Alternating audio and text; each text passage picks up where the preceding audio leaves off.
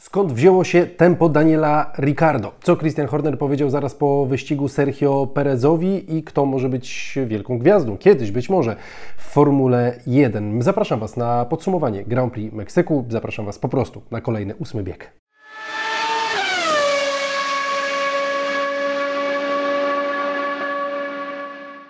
Jesteśmy po Grand Prix Meksyku. Tradycyjnie zapraszam Was do komentowania. Wpisujcie, kto Waszym zdaniem był kierowcą dnia tego wyścigu. Czy to Lando Norris, a może wskazalibyście na kogoś e, innego. Jestem ciekaw Waszych e, opinii i w ogóle dajcie znać, jak ten wyścig Wam się e, podobał. Za moment kolejny wyścig Grand Prix Brazylii. Będę miał przyjemność być na tym wyścigu. Wkrótce na ten wyścig ruszam, więc szybciutko pędzę już do klasyfikacji generalnych. 20 punktów między Hamiltonem a Perezem po tym wyścigu. Mówiłem Wam, że raczej to jest mało prawdopodobne, żeby Hamilton te 39 punktów po Grand Prix Stanów Zjednoczonych odrobił ale cofam to, bo nie wiedziałem, że e, stanie się w ten weekend e, taka rzecz, jak stała się Sergio Perezem na pierwszym okrążeniu. Znowu jest w zasięgu Sergio Perez. Gdyby nie dyskwalifikacja, to tam już e, Hamilton dosłownie łapałby go za koszulkę. Lando Norris 14 punktów za Alonso i Sainzem, też na to bym zwrócił uwagę, bo może ich jeszcze przegonić, a Daniel Ricciardo dwa punkty zaledwie za Yukim Tsunodą. Jeśli chodzi o klasyfikację zespołów, w czołówce w miarę robi się to tam nam klarowne, ale ale z tyłu stawki dzieje się mnóstwo ciekawych rzeczy. Alfa Tauri po tym wyścigu e, ta ekipa zrównała się z Alfą Romeo. Has teraz z kłopotami spadł na ostatnie miejsce, a patrząc na ich tempo, no to trudno sobie wyobrażać, żeby z tego miejsca jakoś byli w stanie e, uciec. Ale trzy wyścigi przed nami jeszcze do końca tego sezonu, w tym e, zupełnie nieprzewidywalne Las Vegas. Zobaczymy, jak będzie. No a ja teraz przechodzę do wygranych tego wyścigu. No i zaczynamy od wygranego, czyli Maxa Verstappena. 16 zwycięstwo w tym sezonie, absolutny rekord Maxa Verstappena Verstappena. Znowu nic mu nie stanęło na drodze po tę wygraną. To była wygrana w pięknym stylu, bo były problemy w Red Bullu, były problemy w, w sobotę. Max Verstappen narzekał w kwalifikacjach, że nie poprawiało się to tempo tak, jakby tego chcieli pomiędzy Q1, Q2 a Q3. Balans nie był idealny, start z drugiej linii, no ale właśnie, start fenomenalny, książkowy. Max na tych pierwszych metrach pokazał, dlaczego jest przez wielu typowanych na e, tego jednego z największych kierowców e, w historii tego, który po prostu ten sezon dominuje. No, zrobił to po prostu świetnie. Później restart też sobie z tym wszystkim był w stanie poradzić. No i też miał po prostu dużo lepsze wyścigowe tempo. E, co by nie zrobili kierowcy Ferrari na starcie, czego by nie zrobił Mercedes, jakby Mercedes w tych kwalifikacjach nie wypadł czystym tempem wyścigowym, e, Red Bull na każdym etapie tego wyścigu, praktycznie na każdej mieszance zawsze był od rywali e, szybszy, więc duże brawa tradycyjnie dla Maxa Verstappena. A ja teraz przechodzę do kierowcy, który chciałby obok tego Maxa Verstappena znaleźć się w przyszłym roku, a może za dwa lata, czyli przechodzę do Daniela Ricardo. Dotychczas te wyścigi po powrocie nie nie były spektakularne, tak to nazwijmy, choć gdzieś tam jakieś momenty dobre były, ale było też dużo słabszych momentów po tym e, powrocie. A ten weekend, wow, to był absolutny szok. Druga linia na starcie e, wyścigu, kapitalne kwalifikacje. Najpierw myśleliśmy, no dobra, Tsunoda go podciąga, stąd to tempo, ale nie, w Q3, kiedy Tsunody już nie było, Ricardo spisał się e, świetnie. Gdyby tam Tsunoda go podciągał, kto wie, może pierwsza linia, aż boję się to głośno e, wypowiadać, napisał mocne oświadczenie, które przykleił do drzwi Red Bulla i w tym oświadczeniu napisał: Jestem, wróciłem, stary Daniel, oto e, on, bo tak to trochę w ten weekend wyglądało.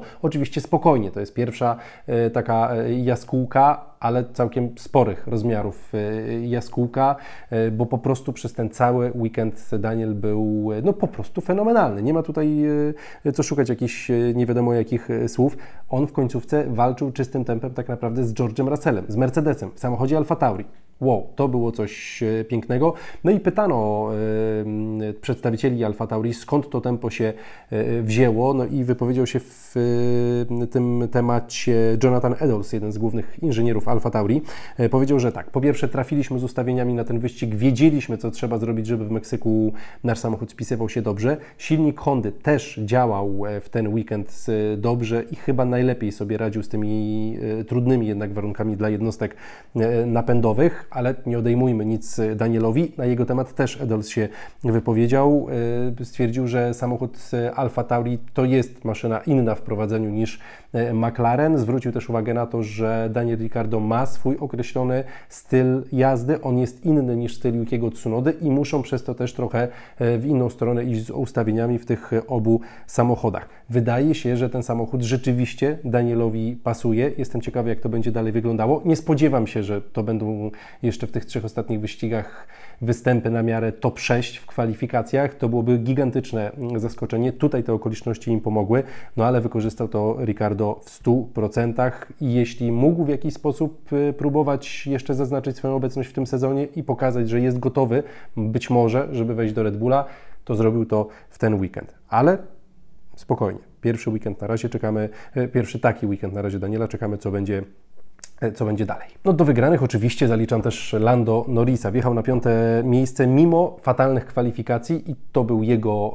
e, błąd i tutaj możemy postawić minusik, ale odrobił to w stylu takim, w jakim te straty odrabiali Max Verstappen, Lewis Hamilton, kiedy miał e, lepszy, lepszy samochód, czyli nie, że gdzieś tam miał problemy, pałętał się, jak czasami to robił, nie wiem, Valtteri Bottas czy Sergio Perez. Im nie zawsze to odrabianie strat szło tak gładko, a on po prostu w tym wyścigu wyścigu, pomimo też słabego restartu, bo po tej czerwonej fladze Norris ruszył bardzo słabo, musiał się trochę wycofać, bo tam inni zawodnicy wokół niego się e, znaleźli. Sam trochę krytykował e, kolegów e, z toru, mówił, że tam było niebezpiecznie i oni powinni się byli inaczej zachować. No w każdym razie wielka jazda Lando Norrisa i szkoda tych kwalifikacji, bo podium wydawało się absolutnie w jego zasięgu. Dla Oskara Piestriego trochę gorszy weekend, miał trochę uszkodzeń w samochodzie też w trakcie tego e, wyścigu, stąd to tempo nie było idealne. On mocno niezadowolony po tym wyścigu i, trudno się e, dziwić, jeśli chodzi o Oskara e, Piastriego to też jest jakby przykład na to, że cały czas to jest debiutant i w takich momentach czasami to jeszcze, jeszcze wychodzi. Piastri startował dużo wyżej, ukończył ten wyścig za Norrisem. To jest świetny kierowca, to będzie kierowca na lata w czołówce moim zdaniem, Oscar Piastri, ale potrzebuje jeszcze chwili oczywiście, żeby bardzo regularnie e, być na poziomie Lando Norrisa. Momenty są, kiedy jest na poziomie, ale to jeszcze nie jest taka stała e, forma. Przechodzę teraz do Louisa Hamiltona, bo dla mnie to jest kierowca, którego musimy umieścić w gronie wygranych. 37 okrążeń przejechanych na e, pośredniej e, mieszance, a wydawało się, że może to być dużym problemem. On sam mówił, że trzeba było trochę się wznieść na wyżyny zarządzania oponami i to mu po prostu e, wyszło. Szkoda tych kwalifikacji, bo to też mógł być dużo lepszy ostatecznie wyścig dla Mercedesa, ale i tak było dobrze. Mm, Lewis Hamilton powiedział w piątek, gdy przejechali na tor, że jest zaskoczony tym, jakich samochód się spisuje, bo jest to samochód samochód dużo gorszy niż był w Austin, a wiele się nie zmieniło. Mieli nadzieję, że w Meksyku będzie e, dobry, a piątek był dla nich bardzo negatywnym zaskoczeniem. E, Russell mówił tak samo, więc cały czas te problemy w Mercedesie są. To nie jest tak, że ich nie ma. E, to jest też bardzo poważny problem, bo on mówił, że trochę nie wiedzą po tym piątku, co się z tym samochodem e, stało e, i jest po prostu ta maszyna kapryśna. Ostatecznie w tempie wyścigowym wyglądała tak, jak to często w tym sezonie bywało, e, bardzo dobrze. No i Toto Wolf powiedział o Lewisie Hamiltonie, że no to jest już któryś weekend, w którym mogliśmy powiedzieć, że gdyby coś się potoczyło inaczej, to byłoby jeszcze lepiej i to jest prawda. No i musimy się po prostu lepiej kwalifikować i to też jest prawda. Pochwalił Lewisa Hamiltona Toto to Wolf. A co do George'a Russella, kolejny weekend, w którym odstawał tempem od y, Luisa, też pytał go to Bartek Pokrzywiński po wyścigu via Play y, u nas, no i y, Norris mówił, Russell mówił, że czasami takie weekendy się zdarzają, że po prostu tego tempa nie masz idealnego. I to był jeden z tych weekendów. Dodajmy też, że Russell w końcówce tego tempa mocno stracił, mówi, że na pewnym etapie przegrzał hamulce, musiał trochę odpuścić, wtedy temperatury straciły opony. I to wszystko tak się potoczyło, że Lando Norris zastosował wielką półzmyłkę w stylu Roberta Kubicy, nauka nie poszła w las, e, no a bliski tego był też Daniel Ricciardo, żeby Russella w końcówce e, wyprzedzić.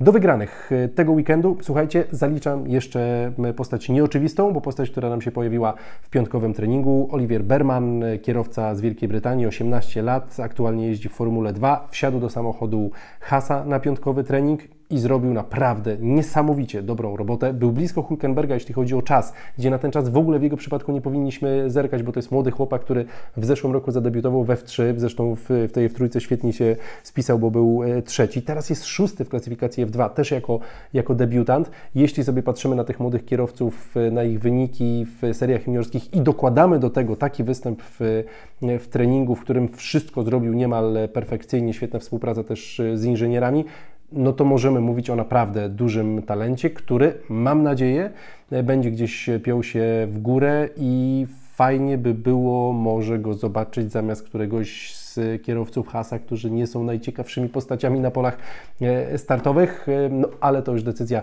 Ferrari też, bo to jest kierowca Akademii e, Ferrari, no i Hasa oczywiście, ale papiery widać, że ten gość ma. Zwracam Wam po prostu na niego uwagę, gdzieś tam z tyłu głowy trzeba mieć jego nazwisko. Dobrze też w tym treningu spisał się Isaac Hadjar, jeden z juniorów Red Bulla, który akurat we F2 w tym sezonie sobie radzi fatalnie, ale ten trening przyjechał naprawdę dobrze. Westi, Porsche, czy Jack Duan tutaj już bez takich zachwytów akurat po tym treningu, ale też dobra robota wykonana w przypadku Teo Pursze, no to on za dużo po prostu nie, e, nie pojeździł. A pojawiają się informacje, że w przyszłym roku być może pojedzie japońską super e, formułę, tak jak Liam Lawson, który po tym weekendzie ostatecznie nie został mistrzem super formuły. E, choć był tego bliski, ale co do jego talentu to już chyba sporo e, wiemy. Dobra, słuchajcie, przechodzę do czyśćca. Grande Ferrari, ale grande tylko w kwalifikacjach. Tylko, tylko albo aż, no bo oni znaleźli to tempo w kwalifikacjach kompletnie e, gdzieś zagubione na początku tego weekendu. Charles Leclerc w piątek był pytany, czy ty możesz powtórzyć ten wynik z Austin, możesz stanąć na pole position. On się tylko zaśmiał, mówi, no, no nie, no to byłaby jakaś gigantyczna sensacja. No nie mamy po prostu na to tempa, nie ma na to większego większych szans. Przychodzi Q1, jest źle, przychodzi Q2, jest średnio, przychodzi Q3, jest fantastycznie. I sam Charles Leclerc mówił, że w Q1 i w Q2 oni byli w tych miejscach, w których się spodziewali, że będą, ale w Q3 nagle coś się zmieniło. No i co tam się, e, co tam się stało w tych kwalifikacjach, jakie są tego powody? E, podejrzenia są dwa, w zasadzie jedno takie główne, no to to, że spadły temperatury dosłownie kilka stopni na przestrzeni całych e, kwalifikacji i to pomogło trochę Ferrari lepiej tymi oponami zarządzać w, w Q3, mieć lepsze po prostu tempo na tej miękkiej mieszance. Gdzieś tam pojawiały się sugestie, sugestie ze strony Red Bulla, że może w silniku coś tam odkręcone, choć to nie do końca legalne. E, takie czytałem w e, niemieckiej prasie gdzieś tam sugestie, e, które miały padać od niektórych osób z, z Red Bulla, no ale raczej nie o to chodziło, bo też kierowcy Red Bulla akurat wskazywali na to, Sergio Perez choćby, że ta spadająca odrobinę, ale jednak temperatura im też nie pomogła. Więc za kwalifikacje wielkie, wielkie brawa. To też nie jest tor, na którym łatwo takie kółko poskładać. No a w wyścigu wyścigu pff, no, niefortunnie się to ułożyło po starcie i Fred Wasser po wyścigu też e, powiedział, że no, po prostu nasi kierowcy nie zaliczyli dobrego startu do tego e, wyścigu. Tam straciliśmy jakby kontrolę nad e, sytuacją. To postawiło Carlosa i Charlesa w trudnym położeniu. E, no ale też w tempie wyścigowym po prostu nie mieli podejścia do Maxa Verstappena, nawet gdyby wyjechali we dwóch na pierwszych miejscach z e, tej sekcji początkowej zakrętów, myślę, że i tak ostatecznie Max Verstappen ten wyścig by wygrał, ale zgadzam się z Fredem Wasserem, że weekend jako całość był całkiem dobry. To może w sumie do wygranych ich powinienem zaliczyć, e, a nie do czyśćca.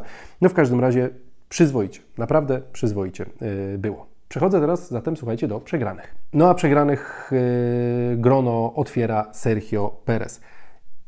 I w sobotę Sergio Perez miał naprawdę dobry dzień. Był w okolicach dwóch dziesiątych za Maxem Verstappenem w kwalifikacjach. E, ok, był piąty, był za Danielem Ricardo, ale był blisko Maxa Verstappena, więc to nie była zła sobota. Naprawdę ten weekend zaczął się dla niego e, dobrze. Bardzo dobrze wystartował do tego wyścigu Sergio Perez. To naprawdę wyglądało dobrze. Zabrakło tylko moim zdaniem jednego chłodnej głowy, cierpliwości, spokoju i powtarzania sobie w głowie e, tego, co też jest e, bardzo często powtarzane przy wielu kategoriach wyścigowych, e, że po prostu wyścigów nie wygrywa się w pierwszym zakręcie, ewentualnie można wyścig w pierwszym zakręcie przegrać.